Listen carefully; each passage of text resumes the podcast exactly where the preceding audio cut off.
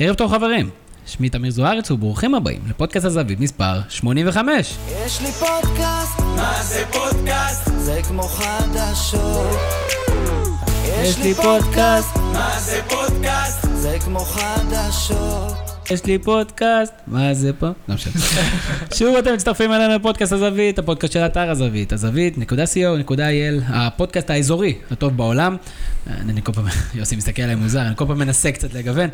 אז מה, מה נגיד? החלטנו לקטוע את פגרת, אה, פגרת הקיץ הנחוצה שלנו, כי כבר מדגדג לנו לדבר על המונדיאל, ולצורך המאורע כינסנו פה באמת את האנשים הכי מוכשרים שלא השיגו כרטיסים למונדיאל.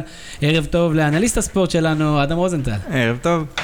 אדם, לפני הנתונים, לפני שניכנס, נצלול ל- לנבחי המונדיאל הזה, איך המונדיאל? אמ, קודם כל, המונדיאל מאוד, אה, מאוד דרמטי, לא היה לנו 0-0 עד עכשיו, שזה כבר, אה, אני פותח פה לקראת אה, ספרד עכשיו. אמ, אז קודם כל, יחסית מאוד מענה, הרבה גולים דרמטיים, יחסית לא מעט שערים. מה שכן, לא, לא הרבה שערי שדה, בוא נגיד את זה ככה, הרבה גולים ממצבים נייחים, פנדלים, בעיטות חופשיות, קרנות וכו'. אנחנו נדבר על זה, ננסה להבין האם זה מגמה או שזה סתם מזל או צירוף מקרים. עוד איתנו אחד מצמד האנשים הכי מדוכאים כיום במדינה. ערב טוב ליוסי מדינה מהפרויקט הנהדר בבגול. ערב טוב. יוסי, תשמע, אתה הבטחת לנו בפרק לפני אחד מ... מתי התארחת פה? חמישה, שישה פרקים? הבטחת לנו סנסציה ערבית במונדיאל. התכוונת לעפיפוני התבערה של חמאס? אל תגיד שזה לא הפתיע אותך. זה הפתיע אותי. זה הפתיע, אבל, אבל כן, קיבלנו הפתעות מסוג אחר.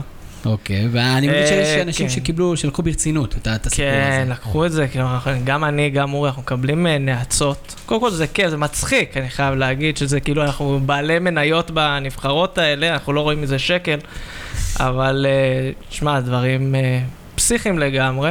יש לך איזה משהו שאתה רוצה להקריא לנו מחשבון הטוויטר שלך? במקרה הכינותי מראש. כן, במקרה, מה שנקרא הכינותי מראש. אנחנו נשמור על עילום שם זה כדי לא לפגוע, אבל אנחנו נלבין את פניהם אחר כך. לדוגמה, יום של כדורגל מהנה וקצבי בהשתתפות הנבחרות התוססות מהעולם הערבי-מוסלמי, לא כמו האימפריאליסטים המשעממים מהמערב. ואז זה הזכיר כאילו שוודיה ואיסלנד, שזה היה, וואי, זה כאילו התעברתי במשחקים האלה. מה יש לנו עוד? לפחות הם השיגו נקודות, אתה יודע. נקודות זה לא הכל בחיים. נכון.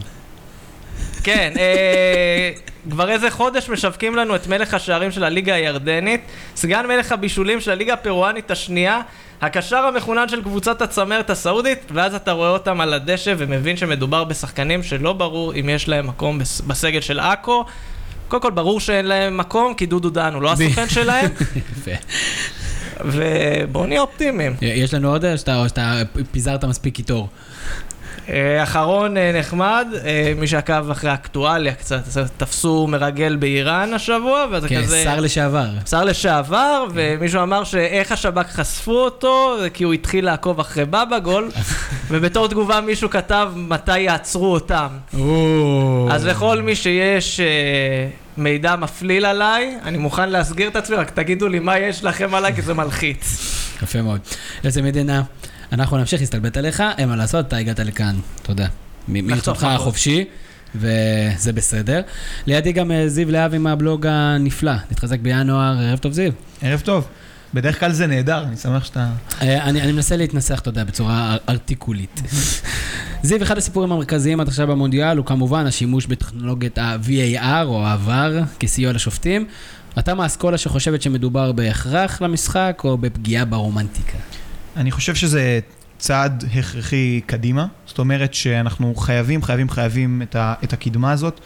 זה משהו שמעבר לנחוץ, גם הולך לשנות ממש את איך ששחקנים משחקים את המשחק, את איך שאוהדים מתייחסים למשחק, את כל הסיקור עליו, ואני חושב שאנחנו נרחיב על זה בהמשך, אבל בקטנה, בוא נגיד שכבר אני מאמין בסיבוב השני של המונדיאל, אנחנו נראה הסקת מסקנות מסוימת של המאמנים לגבי ההנחיות לשחקנים אה, על ביצוע פנדלים. זאת אומרת, אל תבצעו פנדלים, כזה. ברמה הזאת, כן, זה הגיוני. אנחנו עוד נדבר על זה מבחינה מספרית. אז נדבר על זה מבחינה מספרית. לידי ברק אורן מפיק הפודקאסט שידבר כשיחפוץ.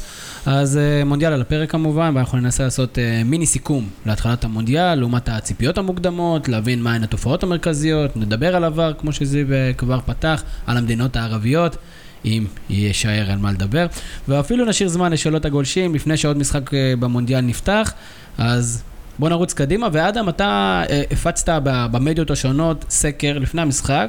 לפני המונדיאל, סליחה, שכלל את הציפיות, מה, מה באמת אנחנו מצפים, מי אנחנו חושבים שתזכה, מי יהיה מלך השערים, וגם כן דירוג עוצמה, שזה בכלל מעניין, כי אמנם אנחנו לא, אנחנו כרגע לא נחתום, לא נחרוץ את הגולל על אף אחד מהקבוצות שהתחילו, אבל כן מעניין לראות מה היו הציפיות ולעומת מה אנחנו רואים בפועל. אז קודם כל, מה הקהל אוהדים חושב, מי הולך לזכות במונדיאל?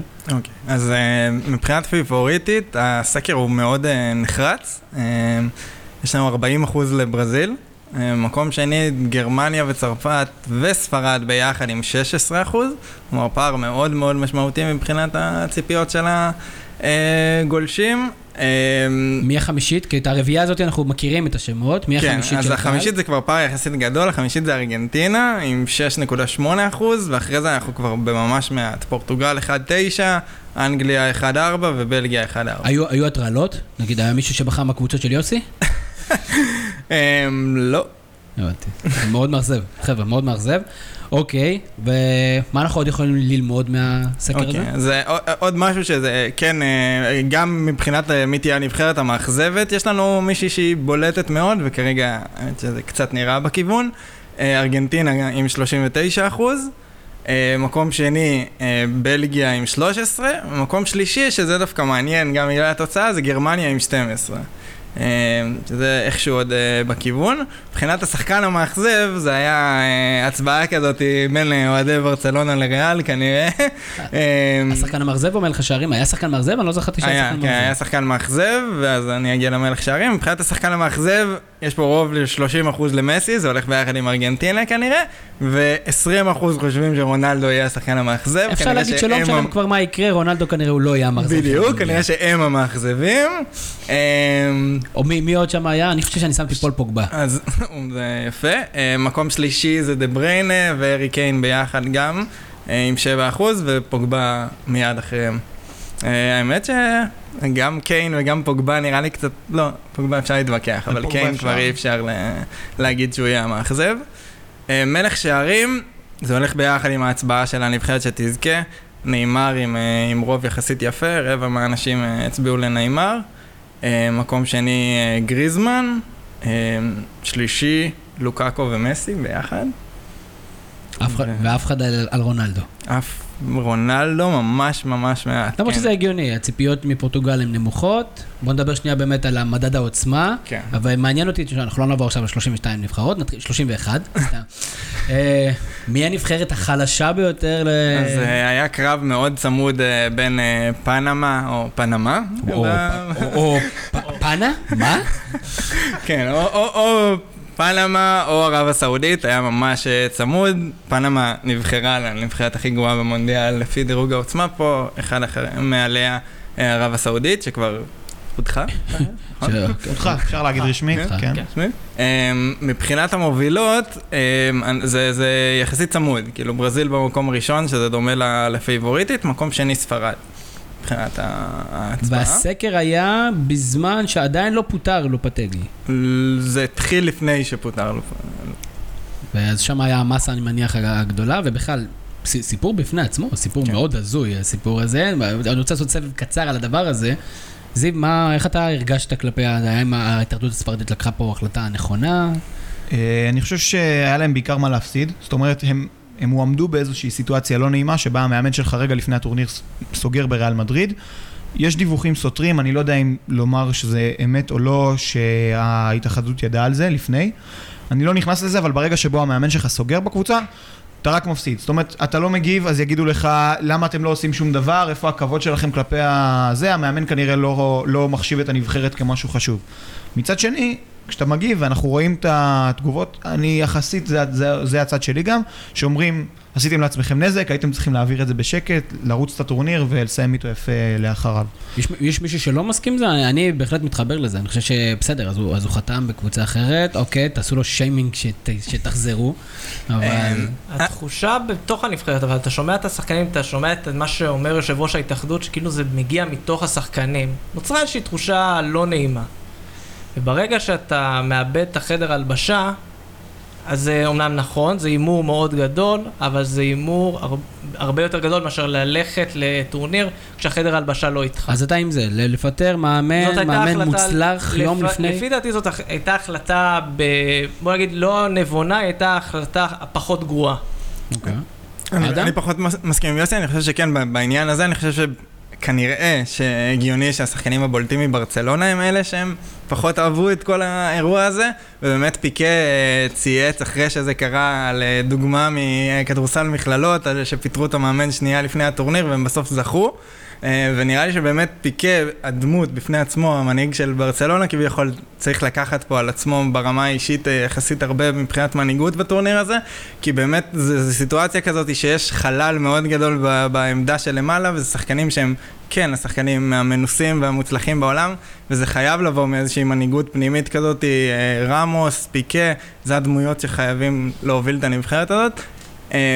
אבל אני סותר טיפה קצת את עצמי, אני, אני לא חושב שזו הייתה החלטה נכונה, אני חושב שלפטר מאמן שנייה לפני הטורניר זה, זה פוגע בהם וזה יפגע בהם. בסדר, אה, ברור כל- שזה היה בחירה בין שתי אופציות לא. טובות. כן. בחירה בין שתי אופציות לא טובות, או איך אומרים אצלנו, מקרה אלי אוחנה קלאסי, שבו אתה לוקח את שתי האופציות ואתה בוחר בשניהם.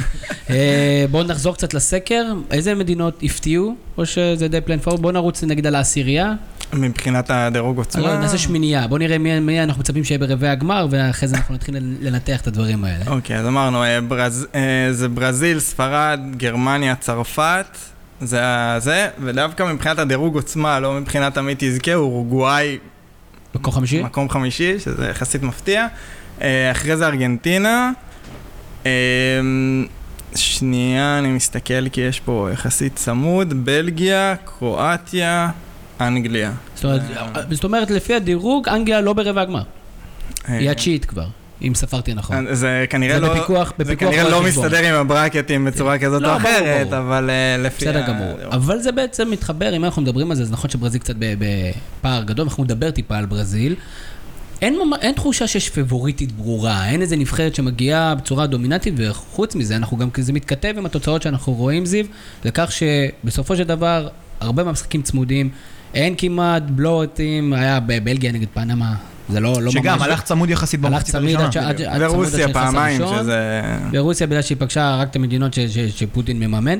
ומהבחינה הזאתי, יש פה איזה אלמנט מסוים של סגירה טקטית, יודעים איך לבוא, מאוד מאוד מוכנים למשחקים.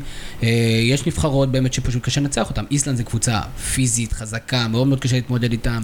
שווייץ, ידענו שהם יעשו את המוות לברזיל. והם עשו את המוות לברזיל, מקסיקו, יש כאילו תחושה שכל אחת יכולה לזכות. האם יכול להיות שאחת, מ... שאחת תזכה שהיא לא בארבע הראשונות? אני לא חושב, קשה לי להאמין, אנחנו רואים את זה גם בליגת האלופות, בכלל, בכל המפעלים אה, יש מגמה הרבה יותר קל אה, לזהות את הפייבוריטיות, את הקבוצות שיגיעו בסוף לשלבים המאוחרים. מקרים כמו פורטו מונקו, גמר ליגת האלופות ב-2004-2005 לדעתי, לא, סליחה, זה היה שנה אחר כך, כי 4-5 זה הגמר של אה, ליברפול נגד מילאן. אבל מקרים כאלה הולכים ופוחתים, וזה לא שיש עלייה בטקטיקה, כי גם לנבחרות החזקות, כאילו, יש אנשים שיודעים מה הם עושים ומנתחים בכלים מאוד מאוד טובים. מה שכן קורה זה שכשאתה עובר מזירת הקבוצות לזירת הנבחרות, הרבה יותר קשה לייצר שיתופי פעולה התקפיים משיתופי פעולה הגנתיים. למה? כי יש לך משתנה נוסף שנכנס לזה. כשאתה עובד בהגנה, זה גוף מול גוף. הגוף של השחקנים, אחד, אחד של השני, המגן והבלם והקשר האחורי, התנועה שהם עושים. כשאתה עובד על התקפה, יש לך גם את המשתנה של הכדור. זה מתחבר גם לריבוי השערים במצבים נייחים, אבל כשיש לך את הכדור, שאתה צריך יחד עם השחקנים, תנועה של שחקנים פלוס מסירות, כשזה מגיע משחקנים שלא רגילים לשחק יחד כל העונה, זה טיפה מתבחבש. ואנחנו באמת רואים את זה גם בתוצאות, גם במשחקים הסגורים יחסית. יש לנו משחק אחד בלבד שהסתיים ביותר משער אחד הפרש, זה ה-2-0 של קרואטיה.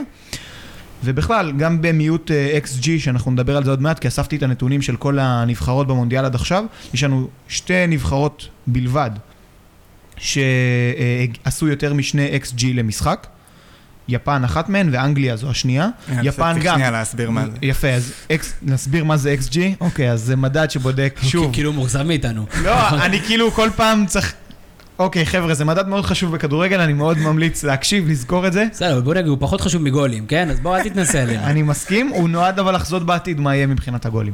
אז זה מדד שבודק את איכות הבעיטות שנבחרת מגיעה אליה לשער, הוא נותן לכל בעיטה ציון של בין 0 ל-1, כש-1 זה 100% הבקעה, נניח השער של אה, סנגל אתמול, ו-0 זה בעיטה עם 0 אה, סיכויים להיכנס לשער. אה, אפס, אה, כאילו אפס אחוזים, אז יש לנו רק שתי נבחרות שהגיעו ליותר משתיים בעמודת ה-XG. שזה אומר, שנייה, שנייה, אני זה, שזה אומר שסך הציונים של כל הבעיטות שהם בעטו במשחק עברו את הציפייה לשני שערים. שערים. אה. נכון, אחת מהן זו יפן שהיה לה פנדל, ואנחנו מדברים שוב על מונדיאל שיש בו המון המון פנדלים, ולמרות זאת קבוצות לא מצליחות להגיע לנתון יותר גבוה, ושמונה קבוצות כבשו יותר משני שערים. זאת אומרת, רוסיה היא אגב אחת החריגות בנושא הזה. ברור. יוסי, אתה מסכים עם הדעה של זיו שבסופו של דבר זה הולך להתאזן ואנחנו נראה את הקבוצות הגדולות גם שהתקשו במשחקים הראשונים, אם זה גרמניה, אם זה ברזיל, ספרד, בסופו של דבר אנחנו נראה אותם בחצי הגמר? אה, אני לא יודע אם זה יהיה כזה רביעייה מושלמת של ה top של ה top. תמיד יש את הנבחרת הזו שאנחנו לא צופים, מגיעה לרבע גמר, אולי מצליחה לגנוב אפילו חצי גמר. אה, העניין הוא שבאמת מחזור ראשון קצת יותר קל אה, להתכונן אליו. לנבחרות היו חצי שנה להתכונן למשחק אחד, וקצת להסתכל על שני משחקים מעבר. בנוקאוט יהיה הרבה יותר קשה להתכונן, כי אין לך הרבה זמן, לפעמים היריבה באה לך באמת בפרקי זמן מאוד קצרים, לכן ההכנה פה תשחק תפקיד הרבה יותר חשוב אצל הנבחרות הגדולות מאשר אצל נבחרות מדרג הביניים. מי בינתיים אדם הכי אכזבה אותך? אמ, וכמובן נשים את זה בפרופורציות, אכזבה, אחרי מחזור אחד, או לא נהיה מתלהמים מדי. כן, אמ, אני חושב שציפיתי יותר מגרמניה. אמ, המשחק, כאילו, יש, יש לזה כל מיני סיבות. אני חושב שהם שיחקו את ה... ברמה מסוימת הם שיחקו את המשחק הרגיל שלהם, משחק של פוזיישן, להחזיק המון בכדור, אה, מגנים שתומכים הרבה בה- בהתקפה, בניית התקפה אה, יחסית אה, איטית וגרמנית אה, טיפוסית. העניין הוא ש... שהם שיחקו את זה, אבל בצורה לא חכמה ועם חסרונות מאוד בולטים לשיטה. אה, הדבר הראשון זה הקישור שלהם, אה, המבנה שלו, שזה כרגע היה רק חדרה ו... וטוני קרוס. אה, שאנחנו שמים לב בשנים האחרונות, מי שמשחק ככה עם שני קשרים שאין שם אף קשר אחורי, הוא הולך לשחק עם שלושה בלמים. וממש הם שיחקו כאילו יש להם שלושה בלמים, רק עם שני בלמים. המגנים שלהם עלו לקו כמעט של, ה- של ההתקפה, שני הקשרים דחפו כל הזמן קדימה, אף אחד מהם לא נשאר יותר מדי מאחורה, ואז מה שקרה זה גם היה להם פוזיישנים ארוכים. מקסיקו ירדו יחסית מאוד נמוך בהגנה, וברגע שהם חטפו כדור, הגרמנים לא הצליחו לעשות מה שהם אמורים להיות הכי טובים בו, שזה משחק לחץ. ופשוט מקסיקו יצאו להתקפות מתפרצות, כששני המגנים למעלה, פשוט התקפות מתפרצות מול שני בלמים בלבד. זה היה בשלב מסוים, היה נראה פשוט הפקרות. זאת כן, אומרת, אה, ממש. יוגי לב כל כך הת- התלהב מהרמה של אני יכול לתקוף ולשים גולים כמה שאני רוצה במשחקים, והפעם זה לא- זה לא פגע מול נבחרת שהייתה נראית- נראית כאילו מותאמת כנגד השיטה הזאתי. ו- ו- ויותר מזה, אני חייב להגיד שגם כשאני מסתכל על הסגל, וזה דווקא, זה מצחיק, כי אנשים מאוד התלוננו על זה שלירוי סאניה לא בסגל, אבל דווקא באזור של הקישור, אני מסתכל ואני לא בטוח מאיפה תגיע, יגיעו הפתרונות במקרה של גרמניה כרגע. אמ, כי אין שם קשר אחורי אמיתי, אין להם באמת אפשרות טובה לשחק עם שלושה קשרי אמצע, כי גם מולר וגם אוזיל מרגיש שהם banker בהרכב. ו- ואז אני לא בטוח מה הפתרון בכלל לבעיה הזאת, כלומר יש להם סוג של game plan אחד, כאילו סבסטיאן רודי זה בערך המחליף הכי מתאים להיכנס להרכב וזה לא שחקן שהוא באמת ברמה הזאת, ואני לא בטוח אפילו איך הם אמורים להשתפר מפה לרמה שהם באמת יגיעו לחצי גמר הצפוי והרגיל שלהם. ש- כן, כאילו. באמת הרגיל. עוד קבוצה שהיה נראה כאילו לא משנה כמה זמן יעבור, היא לא תשים את השער הנוסף, היא הייתה ארגנטינה. והאיסלנדים, ואנחנו קצת ראינו את איסלנד גם ביורו האחרון, גם במוקדמות המונדיאל שהם היו נהדרים, הם פשוט נבחרת של סוסים. כן, היא נבחרת אדירה. איך מנצחים נבחרות של סוסים? זיו, תגיד לי. תראה, מי שעשתה... אל תגיד לי עכשיו נותנים להם קש. בוא, לא, לא, תנסה לא. להיות מרוכז. וואו, מעולה. אה, מי שפיצחה את הדבר הזה ביורו הייתה נבחרת צרפת. אני לא יודע אם אתם זוכרים את המשחק, 5-2 כן, היו לדעתי. יותר סוסים. אה, זהו, אז מה שהם עשו זה הלכו על סוסים פשוט פחות חזקים. ז'ירו שיחק בהרכב, הוא ניצל את זה שהוא גם שחקן פיזי, אבל גם יחסית נייד ביחס לשחקנים האיסלנדים. הוא יצא מאוד מאוד רחוק מקו ההגנה, משך את האיסלנדים קדימה, ואז מי שנכנס עשה את התנועות לעומק זה גריזמן, זה כל שחקני הקו ששיחקו בצרפת. גריזמן, אה, סליחה, ז'ירו משך את ההגנה קדימה, והשחקנים הגיעו משם. במקרה של ארגנטינה, היא שיחקה בלי חלוץ שיודע לקחת כדורים עם הראש, קונה גוארו. כל ה... שכבש שער נהדר. נכון, אין שאף- ספק. שחוץ מאנשים באצטדיון אף אחד לא ראה אותו. אין ספק, אבל כדי לשבור אותם כסיסטמה, כמשהו שהוא תוכנית משחק קבועה ולא לבנות על מבצע אישי של שחקן, אתה צריך לרווח את המשחק. אם אתה מניע את הכדור אז הרבה יותר מאחור, כי כל מה שקרה במשחק מול איסלנד זה שהייתה הנעת כדור 40 מטר מהשער, כל השחקנים שם עמדו בין הכדור לבין השער, היה נורא צפוף, וכשיש צפיפות הכדור הרבה פעמים עולה לאוויר, ושם קשה מאוד להכניע את איסלנד. מאוד מאוד מאוד קשה. יוסי, בוא נדבר על ברזיל. פתחו 20 דקות ראשונות, חשבתי שאני ראיתי סוף סוף כדורגל שמח, כיפי, מעניין, מדהים, ואז לא. כן, זאת, זה גם כן, מדברים על הפתעות, אז זאת הפתעה מאוד גדולה, כי מה שהתרגלנו לראות מצ'יצ'י, במאמן של נבחרת ברזיל, במהלך המוקדמות, במהלך ההכנה, שהוא מצליח מאוד ליישר אה, במרכאות את השחקנים. כלומר, זה כבר לא כל אחד עושה מה שהוא רוצה. נבחרת מאוד מסודרת, מאוד מאורגנת, אין מישהו שהוא מעל כולם, ואז הגיע נאמר. ונאמר, כנראה שכשסיפרו אותו ועשו לו את הספגטי הזה בראש, גם קצת משכו לו שם משהו יותר מדי, כי נאמר פשוט איבד את זה. נאמר, כאילו כל מה שצ'יצ'י אמר שהוא יוביל והוא יעשה איזשהו סדר, הכל ברח שם, וברגע שהכוכב שלך לא מפוקס, כל הנבחרת בורחת איתו, וראינו את אה, ברזיל קצת זכוכה. כאילו בהלם, כאילו לא ראו מעולם את נבחרת שווייץ שיודעת לשחק. בטח אה, אחרי ה-20 הגנתי. דקות הראשונות שהיו נהדרות. בוודאי.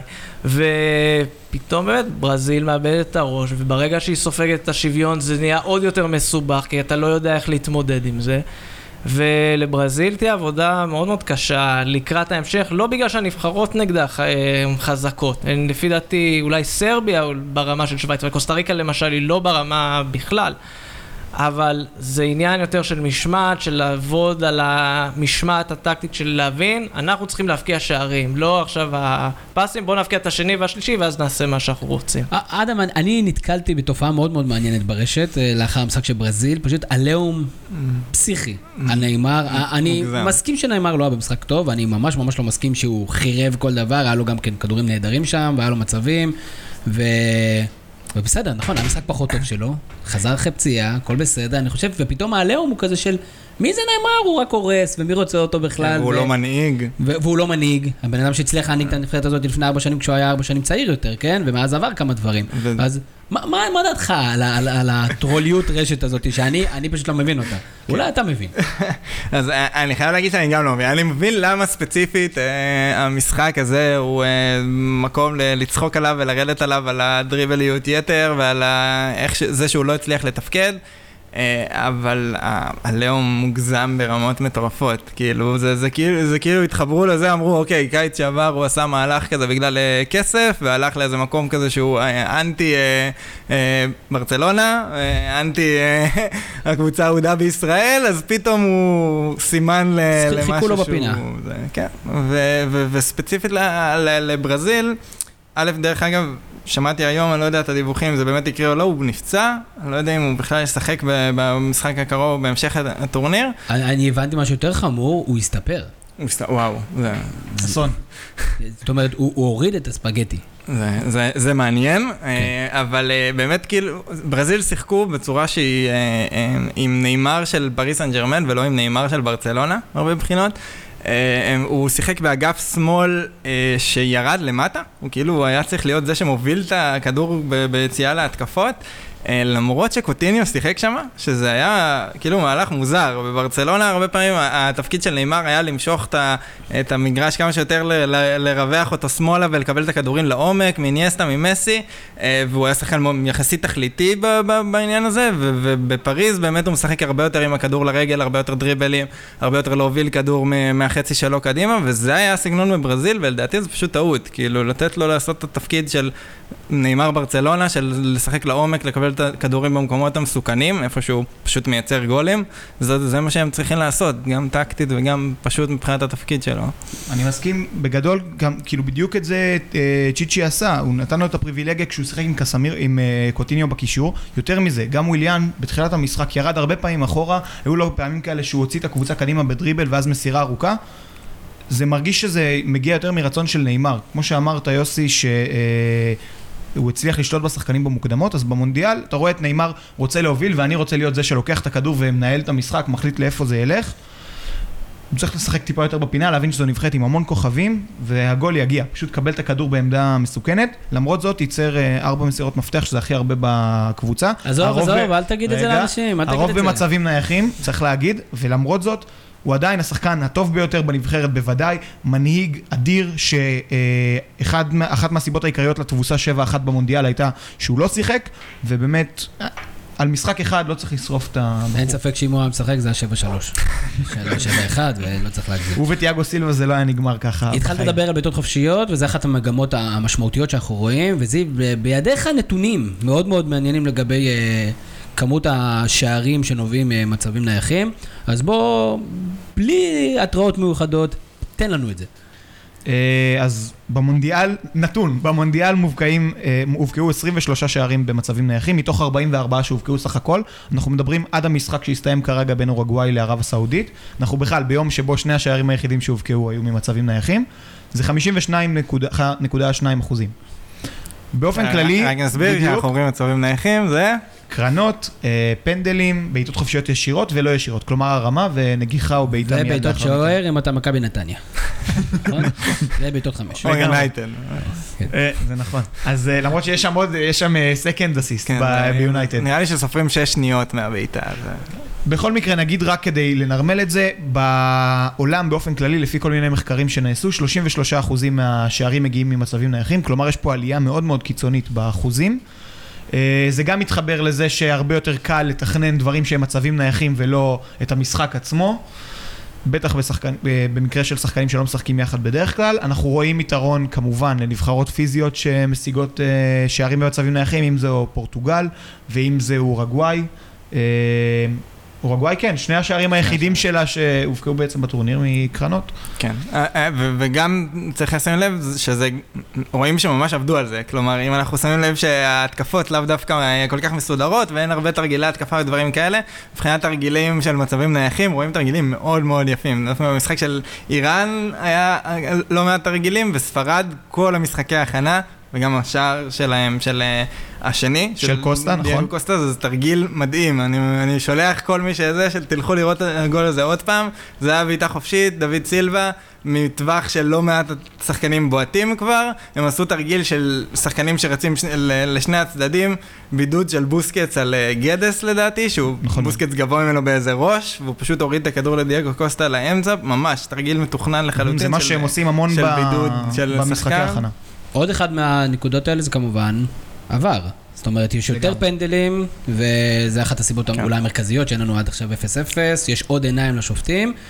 אה, אנחנו עוד נדבר על זה, אבל זה כמובן אחת מהסיבות לכך שזה, כמה פנדלים היו עד עכשיו? שמונה. שמונה שערים שמונה שערים מתוך לנו- עשרה. כן. עשרה, נכון. עשרה. עוד שניים. יפה מאוד. בואו, דיברנו קצת על מאכזבות, דיברנו טיפה על נתונים, בואו נדבר קצת על מי הגיע למונדיאל הזה? קריסטיאנו רונלדו, יוסי, כן. כן, קריסטיאנו רונלדו אחרי כמה טורנירים, אתה יודע, מונדיאלים שהוא לא פוגע בנבחרת פורטוגל, פתאום עפה מוקדם ודברים כאלה, קריסטיאנו רונלדו פתח ב- בסערה.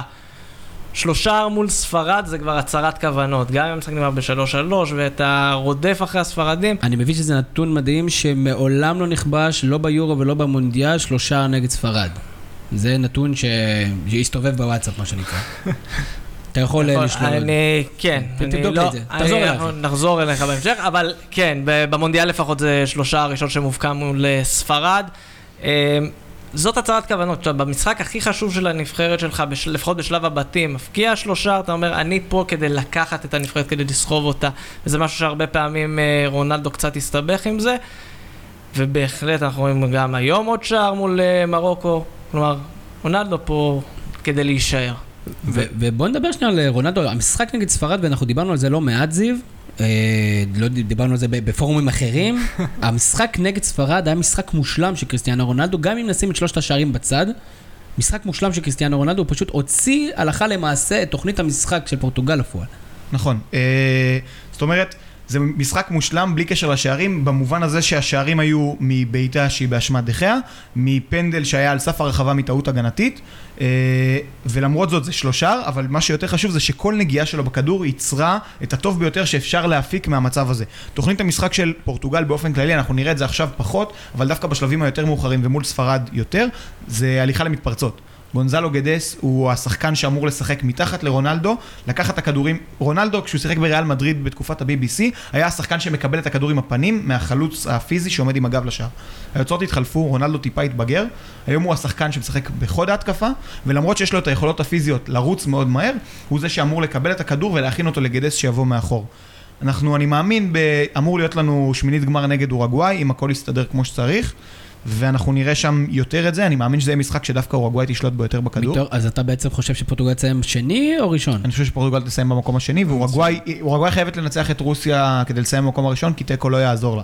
כן, אה, צריך לקחת את זה בחשבון. פורטוגל וספרד מצטלבות עם אה, אורוגוואי ו- ורוסיה. כן. כן, שוב, הכל פה השתבש, בעקבות ההפתעות וזה שגרמניה הפסידה, כן. ושמקסיקו כנראה, אם הכל ילך כפי, שאנחנו מצפים, וכנראה זה לא ילך כפי שאנחנו מצפים, אז מקסיקו תסיים ראשונה, ואז בכלל גרמניה פתאום תפגוש אה, בשמינית וברבע קבוצות חזקות. גם עם איסלנד יש לך את הסיפור הזה, כשקרואטיה ניצחו ואיסלנד וארגנטינה סיימו בתיקו. זאת אומרת, יש פה איזשהו זעזוע ב- בבית הזה. יהיה פה בלאגן. מיכאל אה, היה אומר רעידת אדמה. אה, זה רעידת אדמה לברוקוטו דונר, כן.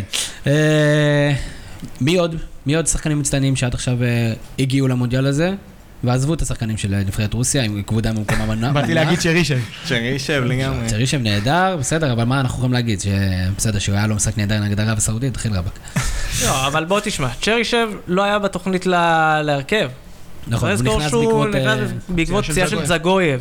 וכשאתה עולה כמחליף במשחק הראשון ולוקח את האחריות עליך, הוא עשה את זה, ועושה את זה בצורה כמעט מושלמת. גם שערים יפים. אה, תנועה ללא אנחנו מדברים על כדור. שחקן אה, יחסית צעיר. שחקן אה, שהתרומה יחסית- המרכזית. כן, שאני זוכר כשהוא נכנס, ישבתי עם מישהו, ראיתי אותו ואומר, הנה הפלופ הגדול, שמישהו יבדוק שאין לו צהובים, כל מיני דברים כאלה מהעבר. בעקבות החוויה של שלו עם ריאל. מדריד, שהוא התרומה- הדיח את ריאל מדריד מהגביע. בתור שחקן ריאל, כן. כן, אז אה, עם כל המעמסה הזאת, צ'רישב סוחב את הנבחרת הרוסית אה, בצורה לא רעה בשלב הבתים. גם אם מזלזלים, נכון, סעודיה ומצרים לא אנחנו הגיעו פה- למונדיאל אנחנו פה הזה. בשביל לזלזל. אנחנו פה בשביל לזלזל. אל תיקח קשה, אנחנו פה לא, בשביל לזלזל. אבל אנחנו פה, הכל בסדר. כלומר, באמת צ'רישב עשה את זה, ו... עוד פעם אני אגיד, עשה את זה נהדר. קוט- קוטל הנבחרות שלך. כותב לנבחרות שלי, ולא רק הוא. אה, Arab Slayer. אה, וואו, וואו, וואו. וואו, המדינות, וואו. במדינות, מה יש לכם? אל תהיו קשים. כשתרוץ לפוליטיקה, ייקחו את ה- אני את לא- הרגע הזה מה... אני. לא ארוץ לפוליטיקה. אה, אוקיי, אה, אה, מי- מה? עוד? מי עוד? כן, אה, שני החלוצי פר- Premier League שהיה כזה ספק אם הם יהיו פלופ או לא, גם לוקאקו, גם הארי קיין, סיפקו את הסחורה במשחק הראשון, ואני חושב שצפוי מהם להמשיך להוביל מבחינת ה... אני אה, אני אתן לפועל? נקודת זכות יותר גבוהה להארי קיין, שהגיע ב money time, מאשר לוקקו שם שני שערים נגד פנמה אחרי ש-1-0, אבל פתיחה טובה. שניהם, אה, זה התפקיד שלהם. אתה אומר, אה, זה אותם נקודות. בפנטזי, זה לא כן, נציין עוד שחקנים? כן. יש לנו בסנגל, אה, גם את מאנה שעשה עבודה כן. באמת פנטסטית, אה, גם את גואיה, שאני אני לא יודע, כנראה שאומרים את השם שלו בדרך אחרת, אבל... אה, כזה אה, ג- גיי, גאנה, גנה, לא לא ברור מה קורה שם. כן, אז הקשר האחורי של אברטון, באמת, עבודה פנטסטית. גם אקטור הררה, הקשר האחורי של מקסיקו, שאורי אוזן הפליא לתאר בשידור כל פעולה טובה שלו, באמת, עשה משחק, תקשיב, פנטסטי, נתראה אורי? בקישור. גם- גם אורי אוזן, שצריך לפרגן לו. אבל אה, אקטור הררה, תקשיב, הוא נתן, כאילו, מי שמכיר אותו קצת מפורטו, עוקב, אני בעיקר רואה אותו בליגת האלופות במשחקים, הוא באמת קשר אחורי אדיר, והוא נהנה מהכנה מאוד טובה של המאמן שלו. אחלה שחקן, עוד מישהו ש... כן, אה, אולי אה, מי שדומה לגאיה, גאיה, איך שלא קוראים לזה בסגנון משחק, ובאמת אה, החזיק הרבה מהנבחרת שלו, זה שזה אנגולו קנטה, שכתבת לו פוסט מאוד יפה, הוא באמת, לעומת שאר הנבחרת שלו, שהייתה כל כך אנמית במשחק לחץ וביכולת שלה להרוויח כדור אחרי שהיא מאבדת, פשוט עשה שם עבודה מדהימה, בלעדיו אני לא בטוח שצרפת מנצחת המשחק הזה, או באמת עושה, יוצאת ממנו בשלום. יפה שאמרתם לא יוצאת בשלום, כי בלי עבר היא לא הייתה יוצאת בשלום, וזיו, אתה לפני, ה... כשעשינו את התחקיר לפרק, אתה אמרת לי, תשמע, זה הולכת להיות המהפכה של עולם הכדורגל. ועכשיו תסביר לי למה אתה חושב שיש שוני בין הסבב, הסיבוב הראשון לסיבוב השני בצורה שבה הקבוצות מתארגנות כשהן מבינות שיש את איום עבר. כי כשיש לך שמונה שערים שמובקעים מפנדלים מתוך 44, אז המאמנים צריכים לקבל החלטה מסוימת. הסיכוי להבקיע מפנדל שואף בדרך כלל ברוב הליגות לבין 75 ל-85 אחוזים. הסיכוי לאחד על אחד, הטוב ביותר שאפשר לייצר, הוא באזור ה-45 אחוזים. משמע, בכל מקרה, עדיף לך אחד על אחד, שיהיה לך אחד על אחד מול השוער, לא משנה מה, מפנדל. ההחלטה לעשות פנדל, בטח כשהיו מקרים של פנדל ואדום, נגיד במשחק של אה, יפן מול קולומביה, היא ההחלטה המוטעית ביותר שאפשר היום לקבל במשחק. אין שום סיבה, מהרגע שבו ייכנס עבר הזה, גם לליגת העל או לליגות המקומיות, שלחלקן זה כבר נכנס, מהרגע ש... אה, בו זה ייכנס כמו שצריך, לא תהיה סיבה יותר לייצר פנדלים. זאת אומרת שכל הכדורגל, איך שאנחנו מכירים, ההגנה ששחקנים מייצרים, תשתנה לחלוטין. מבחינת הקהל, נגמר יותר הבכי על הקיפוח ועל הזה, כי יש עוד עיניים שרואות את זה בטלוויזיה כמו שצריך, השופטים מכירים גם את החוקה וגם מבינים איך לזהות תפיסות בצורה יותר טובה מאיתנו, ואם הם רואים את המצב כשיורד להם הדופק, ובמצלמות מכמה זוויות, אין שום סיבה להניח שאתם קיבלתם החלטה יותר נכונה מהם. לכן אני חושב שאמור להיות פה שינוי מאוד גדול מבחינת הסיקור התקשורתי. אם אתם זוכרים כתבות בחדשות הספורט שפותחות את המהדורה, אה, כתבות צבע עם אה, ליאני או ריינשרייבר שמספרות על כמה שהם אה, עצובים ומתבאסים וקשה להם, הכל פה הולך להשתנות, וצעד מבורך מאוד קדימה. אמ, אני, אני בעיקרון מסכים איתך, ויש לי שאלה דווקא ליוסי, בתור מישהו שמתעניין בכדורגל שהוא לא רק אה, ליגת האלופות ומונדיאל והליגות הבכירות. אמ, איך אתה חושב שזה הולך לעבוד ממש בצורה רוחבית? כאילו, ליגות נמוכות, ליגות בכל רחבי העולם, זה לא שיש את הכסף להתקין את הדברים האלה, זה לא שזה יקרה, וזה הולך להפוך סוג של אה, שני משחקים שונים מבחינה מסוימת. תראה, ברמת העיקרון כבר יש לך בהרבה מקומות שני משחקים שונים. כלומר, תזכור שמצלמות נניח, בכל מקרה, גם אם אין ור, שאחר כך באים ובוחנים החלטה של שופט, גם את זה אין לך. כלומר, משחק בליגה הלאומית, לא רואים החלטה כמו שרואים בליגת האלופות. או טכנולוגיית קו שער. טכנולוגיית קו השער, על אותו עיקרון. אה, מעבר לזה, אני חושב ש... אני לא אוהב להגיד את זה, אבל יש חשיבות שזה ייכנס למקומות האלה, לליגת האלופות, לליגות הגדולות, איפה שבאמת הכסף, כל נפילה כזו, כל שריקה לא נכונה יכולה להשפיע בצורה מאוד מאוד גדולה על עתיד של קבוצה, בלי להיסחף בכלל. אה, אבל אני רוצה ככה לתת עוד משהו ככה מנקודת מבט, אה, כאילו לא, אין לי מספיק סבל בחיים, אז גם הייתי שופט פעם, אז אני אתן את זה ככה מנקודת מבט של שופט כדורגל. אה, אתה, אתה תראה שההחלטות עם עבר לצורך העניין עם פנדלים, אלה דברים ששופטים לא תמיד היו רואים. התפיסות הקטנות האלה, אם ניקח לדוגמה את הפנדל במשחק של צרפת, שזה גליץ' שאתה לפעמים מפספס את זה שהרגל מאחורה נתנה מכה ברגל ההיא. יש פה הזדמנות באמת גדולה לשופטים לבוא ולראות את מה שהם לא ראו קודם ולא היה סיכוי שהם יראו קודם. גם נותן להם את הביטחון, גם נותן להם את השקט וגם לקהל, כמו שאמרת זיו, כדי לראות כדורגל אה, אולי קצת יותר הוגן. מתי אנחנו חושבים שאנחנו נראה את זה בליגה הישראלית, והאם איתי שכטר יפרוש עד אז? כמו כל דבר, באיחור של עשר שנים מהזירה האירופאית. אז הוא off the hook, הוא בסדר. אה, מעניין אותי עוד משהו, אה, ככה לפאנל המכובד, יוסי, אני אתחיל איתך. אנחנו, אתה יודע, אחד הדברים היפים במונדיאל, בשונה מכל טורניר אחר, זה ההבדל הסגנונות. יש את הכדורגל האסייתי, יש כדורגל אפריקאי, יש כדורגל ערבי, יש כדורגל אירופאי. איפה ראית הכי הרבה את הקלאש הזה בין העולמות, ואיזה, האם אנחנו באמת יש כזה הבדלים בין הכדורגל הדרום, אמר, הדרום אמריקאי והכדורגל האסייתי לצורך העניין, היפנים והקולומביאנים, ראינו פה איזה משהו שאומרים, אוקיי, יש פה התנגשות סגנונות? אני חושב שלאט לאט זה מתחיל להצטמצם, בעיקר בגלל העובדה שרוב השחקנים היום כבר משחקים באירופה, הם מגיעים עם אותו רקע, ולצורך העניין, אם אני לוקח את אה, נבחרת יפן ואת נבחרת קולומביה, אז זה כבר לא שחקנים שמשחקים באתלטיקו נציונל בקולומביה וגם באוסקה ביפן. אתה רואה שחקנים שמשחקים ב- בליגה ספרדית, בליגה אנגלית, באיטליה.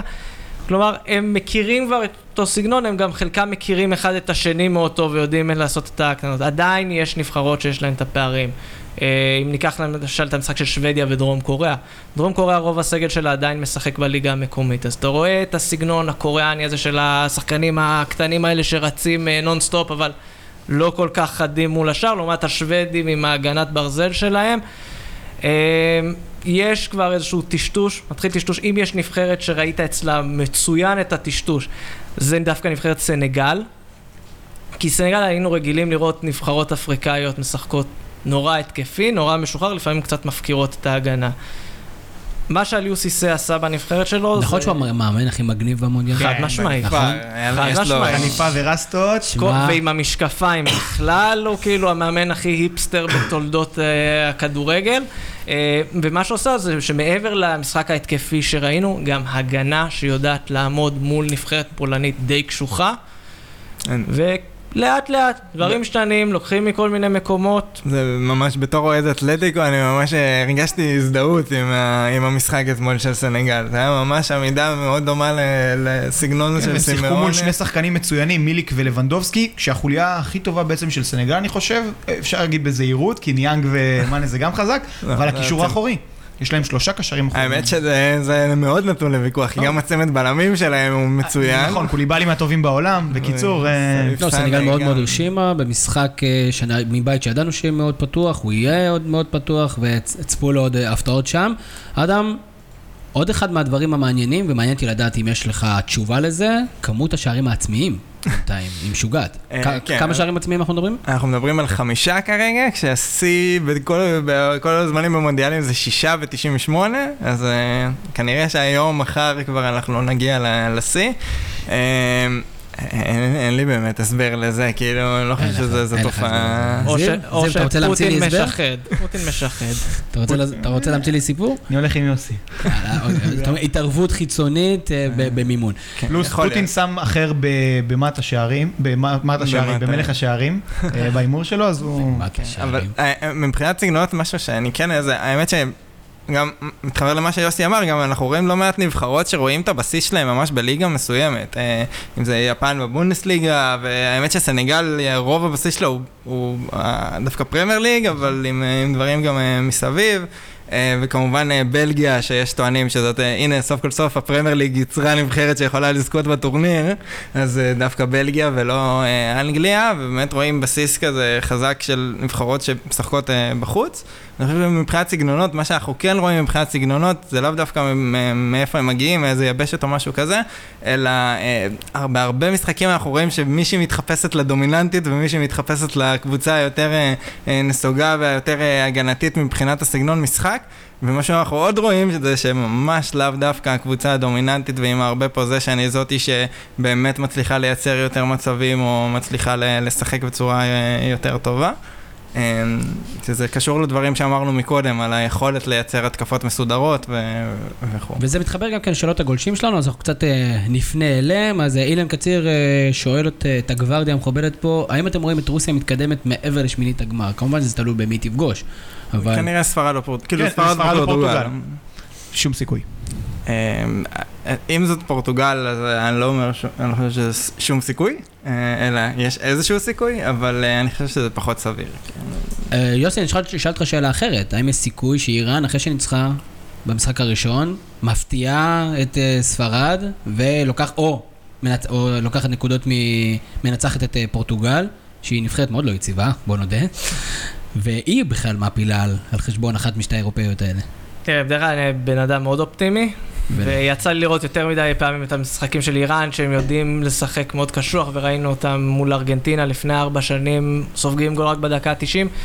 לפי דעתי הפערים בינם לבין ספרד ופורטוגל הם גדולים מדי בשביל שתהיה פה הפתעה. אה, אתה יודע, יש צמא מהקהל, אנחנו תמיד כשאנחנו מביאים לפה בן אדם שאו שהוא יודע שפות אחרות, נגיד מיכאל, או אנשים אחרים, אנחנו מבקשים ממנו שיזרוק שמות, שייתן לנו name dropping, שאנחנו נרגיש כאילו, אתה יודע, יהיה דיון כזה ויגידו, אה, איזה משחק יש היום? אה, ספרד איראן?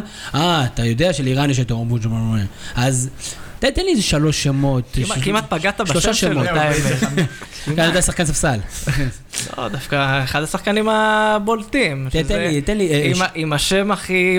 אחד מהמגניבים, עלי רזה ג'האן בחש. אה, אנחנו מדברים על אתה יכול להגיד את זה שלוש פעמים ברצף? עלירזה ג'אנבך, שלירזה ג'אנבך, שלירזה ג'אנבך. אה, שלי רז, רק באמצע שמעתי שיש שם שין. כולם ברחו לך עכשיו, איבדת את כולם, אבל מי שעדיין נשאר איתנו. חזרתם אלינו. אז זה- אני אגיד שהוא מלך השערים בליגה ההולנדית, אה, שחקן מאוד מאוד בולט בליגה העונה. אה, חוץ מזה, לאיראן יש אה, עוד שחקן שאני, שני שחקנים בעצם, שאני מאוד אוהב, שני חבר'ה צעירים, שזה אה, סרדר אזמון, משחק ב- ברובין קזאן. המשחק שלו מול ספרד בעצם יהיה משחק ביתי, כי הוא משחק בקזאן. אה, חלוץ אה, לא רע, ויש עוד שחקן צעיר בשם סרדר אזמון. אה, הוא עדיין לא יצא זה- זה לא מהליגה. היה אותו שם? כן, הוא זה היה עדיין- אותו שם. לא, תזרום אחי, אני אני איתך. זה היה אותו שם, אבל נכון? זה נכון, זה היה אותו שם. תודה, מדי תרמי, זה השחקן השני. איזה מזל. וואלה, אתה תשמע, היינו חד. רצים עכשיו עם אתה הפרק. חד. היינו רצים עכשיו עם הפרק, הצלת כזה איזה יופי. זה היה סרדל, זה היה... כן, אז אה, מדי תרמי הוא שחקן שעדיין משחק בליגה האיראנית, אבל הוא כבר נכנס לטופ חמש של אה, הכובשים האיראנים בכל הזמנים בנבחרת. אה, לאחר עלי די ועלי די ג'וניור. כן, ונאחל לו בהצלחה כל עוד הוא לא מנסה להשמיד אותנו או משהו כזה. וואה, זה אתה אמרת, אני מחזק, כמובן. אה, בואו נראה איזה עוד שאלות יש לנו. אה, אז דן כהנא שאל אותנו האם לדעתכם יש מאפיין מקשר לפתיחה החלשה של כל הגדולות, למעשה דיברנו על זה, והוא שאל את יוסי, האם העלייה של הנבחרות הערביות למונדיאל היא חד פעמית, או שכנראה שהעתיד שלהם מובטח והם יהיו גם כן במונדיאלים הבאים. קודם כל, אם לא תהיה לנו הפתעה, יש כבר נבחרת ערבית אחת עוד ארבע שנים, שזאת קטאר. אה, אבל אה, רוב הנבחרות מנסות לבנות איזשהו בסיס יציב. אה, אם זאת איראן, אם זאת מרוקו, מצרים, כולם מנסות לבנות. העניין הוא שגם המוקדמות באסיה, גם המוקדמות באפריקה, אלה הדברים הלא יציבים. כלומר, אנחנו רואים בכל מונדיאל נבחרות אפריקאיות אחרות פתאום עולות, או באסיה יש איזו נבחרת שמתחלפת. אה, אני יכול להגיד שאני מאוד מקווה, אבל uh, להבטיח דבר כזה זה עדיין גדול. מה. אכפת לך? עוד ארבע שנים יזכור את זה בכלל. מי יזכור? מבטיח, אבל וכן, ביוסי. ב-2026 אמור להיות מונדיאל עם אה, 48 נבחרות, ואז אני מניח ואז ש... שם אנחנו נראה נוכחות גדולה. מסיבית. כן. אוקיי. עדיאל בוכניק ששואל אה, שאלה מאוד מנומקת, והוא שואל מתי יבואו הגולים, אבל אני אנסה קצת לפתח את זה ואני אגיד, האם אנחנו נראה עלייה בכמות השערים, אתם חושבים, עכשיו אחרי שהמשחק הראשון נגמר וקצת הלחץ אולי מתחיל לרדת, וכמו שאתם אומרים, יותר קשה להתכונן, אנחנו צופים שכמות השערים תעלה בשלבים הבאים, או במשחקים הבאים?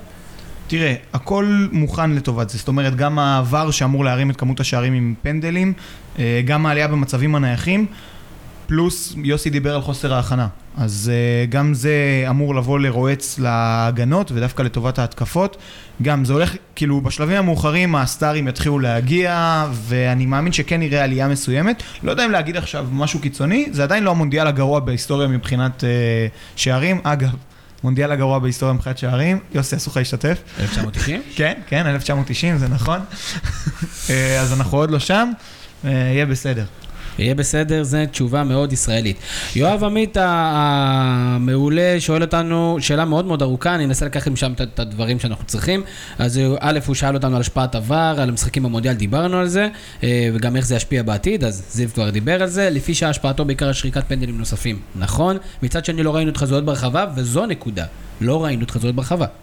כן. אנחנו רואים מעט, כן. בסדר, כאילו, רציתי לציין את זה כנקודה, זה אחלה נקודה. אה, גם הוא הציע לנו איך לנהל את הפודקאסט, תודה יואב על זה. אה, ואומר שאפשר, שכדאי לסכם ביותר אה, לאחר מכן, אז אנחנו באמת נסכם מעבר.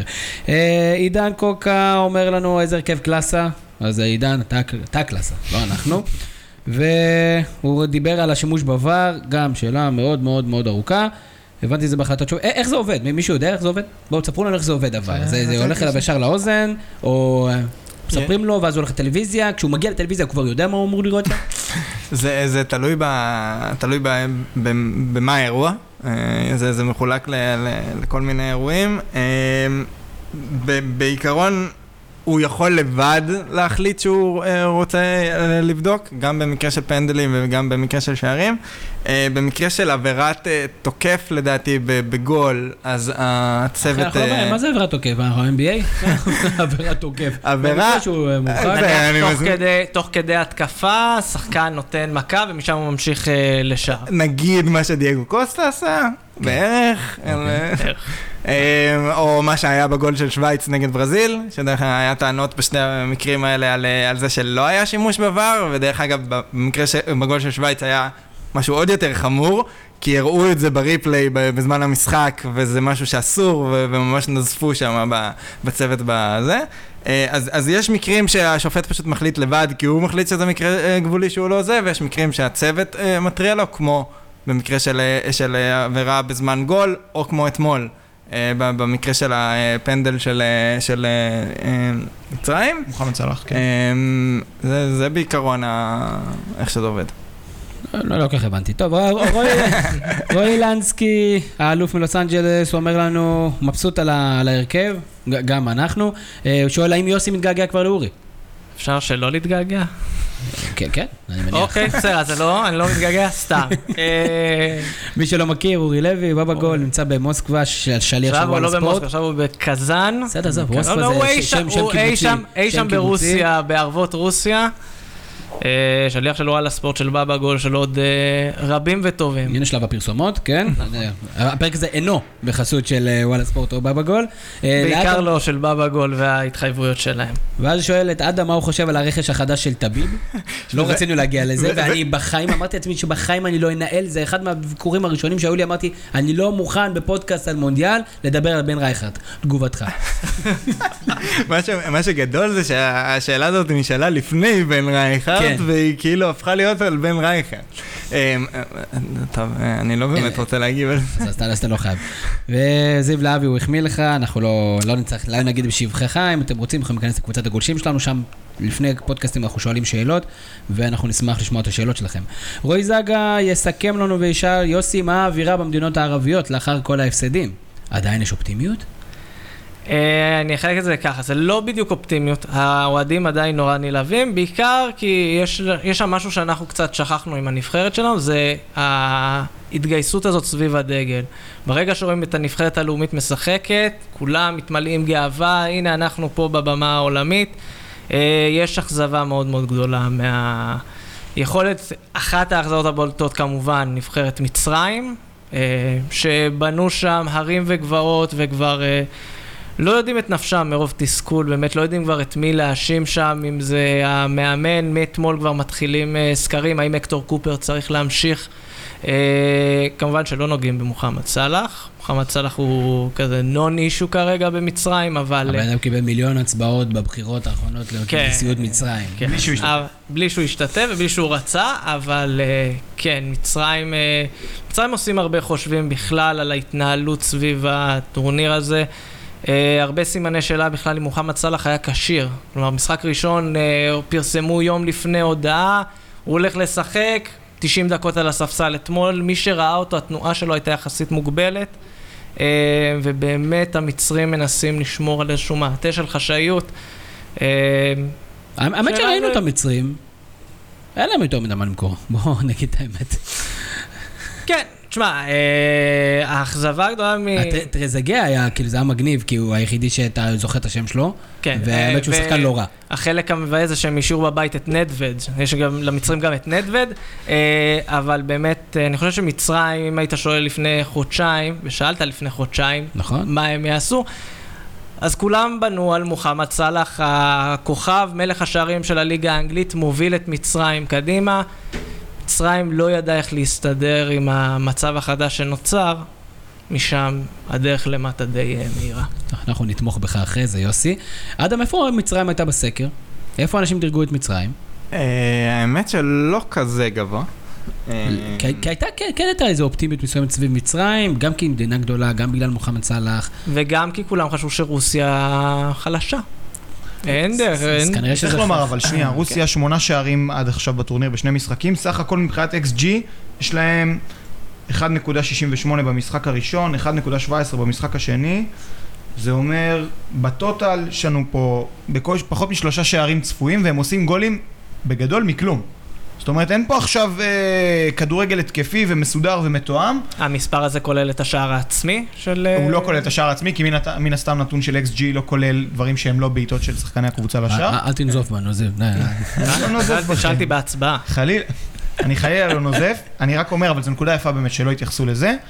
אה, רוסיה זו סוג של הזיה, בליצים שהם לא באמת בליצים, יושבים על אה, נבחרת בלי יותר מדי לתקוף, וזה גם פוגע במצרים, שהייתה אחת מהנבחרות המיועדות לעבור לשלב הבא. חזרנו לתשובות? כן, אז הדירוג שלהם נע בין מקום אה, עשירי ל-20, כשדווקא ל-19-20 היה את. כאילו הכמות הכי גדולה. אבל עדיין, זאת אומרת, כביכול 13 מדינות ש...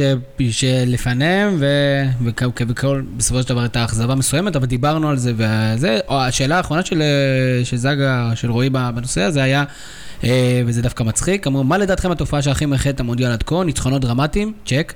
נפילות של פבוריטיות? צ'ק. שערים במצבים נייחים? צ'ק. עבר? צ'ק. התעלות ספציפית שחקנים גדולים? Check, check, check, check. אז תודה רועי, וכן, זה היה הפודקאסט שלנו. תודה על הליינאפ. אה, כן, תודה רבה, אה, אחלה שאלה, ונגעת בנקודות הנכונות. אה, שאלת הבונוס שלנו, ודווקא מה אה, לשתיים, אחת תהיה אה, עסיסית ופרובוקטיבית, ונשאל האם לדעתכם אנחנו נרגיש אה, ירידה ברמת האהדה למסי בעקבות זה שארגנטינה לא הגיעה לישראל? לא. לא. לא. לא. סבבה. ו... אה, מי שרוב האוהדים של מסי הם לא בגיל שמבין בפוליטיקה. יש בזה משהו, ו... או... כן, יש בזה משהו.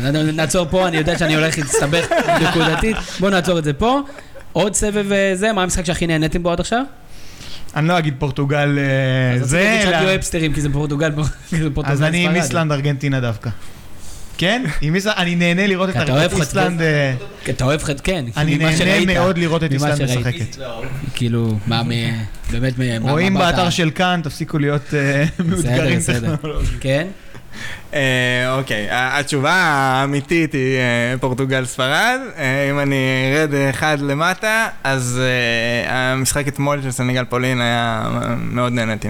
הוא- אנחנו יושבים פה שלושת אחד ליד השני והוא מעתיק ממני מהדף. כן, שני משחקים נהדרים. אני דווקא סנגל פולין נהניתי יותר, כנראה בגלל האנדרדוג והכל. אני אצרף גם. כן את גרמניה-מקסיקו, שהיה קצב אש והפתעה וסיפור, וזה מתחבר לדבר השלישי, שאני מניח שאתם גם כן תסכימו מי הקהל, מה תצוגת הקהל הגדולה, הט- הטובה ביותר שנתקלתם בה עד עכשיו. תראה, עזוב, בלי תראה, מקסיקו. מקסיקו. עכשיו הוא יגיד לנו מקסיקו, אבל אני רוצה לתת את הפרובוקציה פה. על סנגל. חלאס עם האיסלנדים, חלאס. נמאס, הם כולם באים, מוחאים כפיים, זה לא שלהם. אתה פשוט- אתה פשוט גזען כנגד אשכנזים מתורבתים. זה כל הסיפור הזה, זה כל הבבא גול הזה. תגיד לי, אשכנזים מתורבתים גונבים? לקחו את זה מאוהדים בסקוטלנד, הם היו מסטולים, לא שמו לב שגנבו להם. חלאס עם האיסלנדים, חלאס. שאלת בונוס אחרונה לפני שאנחנו הולכים, כי אנחנו כבר התחיל המשחק הבא. אה, אז אני אשאל אתכם את השאלה הזאתי, האם במהלך, אנחנו עכברי ספורט, זה, זה לא זה, אבל האם שמעתם על מישהו שרואה טלוויזיה, משהו אחר מאשר מונדיאל? כי אני, אני לא שמעתי אף אחד שאומר לי, וואי, יש את הסדרה הזאתי, יש את התוכנית הזאתי. תשמע, לבושתי, ראיתי תוכנית ששודרה במהלך המונדיאל, פשוט בבוקר למחרת, אה, אבל זה גם משהו שלא דיברנו עליו, לא נחפור עליו. המונדיאל מנצח כל ערב את כל תותחי הרייטינג הכבדים, גם של רשת וגם של קשת. זה, זו בשורה מעולה שיש קהל שצורך כדורגל, ואולי גם ההשקעות מבחינת קניית שידורי כדורגל והשקעה בתשתית עצמה, אולי אה, יגברו. זה קצת דיון, כי אני חושב שמונדיאל הוא לא דומה לשום דבר אחר. זאת אומרת, אפילו הצ'מפיונס ליג, שהוא ה- ה- הפנינה מבחינת איכות הכדורגל, זה לא קרנבל כמו מונדיאל. נכון. אה, זה, זה הרבה יותר רחב, זה כמעט כולם uh, מתעניינים במונדיאל. מצד שני גם אה, יש ב- בישראל, אנחנו אלופים בזה, אבל יש פה גם uh, מאוד נהנים להתלונן על הרמה, זה, זה נורא כיף לאנשים כל שנתיים להתלונן על הרמה של הטורניר. לא יודע, שוכחים שנבחרות זה טיפה, רמה טיפה יותר נמוכה, אבל uh, כן, פשוט יש קהל אנחנו גם נורא רואים אה. כאילו, מקומות עבודה, מתגייסים, אצלנו בעבודה פתחו טלוויזיות כל הזמן, כל הזמן מספקים לך בירות ואוכל והכל, רק תבוא תראה משחקים. איפה אתה עובד? רק תשתף אני עובד. ב... כן, משרד רואי חשבון, אה, גדול ומכובד, אבל גם אצל. הלקוחות שלי, גם כשאני מגיע ללקוחות שלי, אז אה, אז שם זה, מה, נתחיל להיפרד מכם. אז יוסי מדינה, עם כל הצער שבדבר, אנחנו עדיין אוהבים אותך למרות ההמלצות הרעות, וכמובן... ובוז, ואיך המלצת לנו עליהם בכלל. וחוסר איך מכרת הידע לנו את הבסיסי. הערבים האלה ואיראן שהם לא... ואיראן שאינם ערבים, אתה חייב לציין את זה, נכון? אז יוסי מדינה, תודה רבה, תמשיכו לעשות מה שאתם עושים בבבא גול. ובשורות דש לאורי שלא ישלח ידו בנפשו. זיו, אה, תחזק בינואר, ממשיכים לעבוד. כן, ממשיכים ל- ממשיכים כדאי לעבוד. מאוד מאוד לעקוב אחריך בזמן המונדיאל, זה המקום שהמוזה שלך מתחברת. זה נכון, ונוקאוט, אני שם, נדווח לכם משם כל מה שקורה, כולל הגמר, אז אה, תישארו מחוברים. תשארו מחוברים, stay tuned. אדם רוזנטל, שני טורים מאלפים שלך, גם כאן על בלגיה וגם על אורוגוואי, זכו לפופולריות אדירה באתר, אז שאפו על זה. ובאמת, אנחנו, אתה תמשיך להיות פה באזור, אנחנו יודעים את זה. אז היה כיף גדול שבאת. ברק אורן, המפיק של הפודקאסט, אה, שגם כן צילם אותנו ועשה לנו כל מיני בוק והכל, אנחנו כמובן מצפים לתוצאות כמה שיותר מהר. שישלח אלינו. אה, אתם יודעים איפה אתם יכולים לשמוע את הפודקאסט, כי אתם עכשיו שומעים את הפודקאסט. אני הייתי תמיר זוהר, שיהיה לכם המשך ערב נהדר. יש לי פודקאסט, מה זה פודקאסט? זה כמו חדשות. יש לי פודקאסט, מה זה פודקאסט? זה כמו חדשות.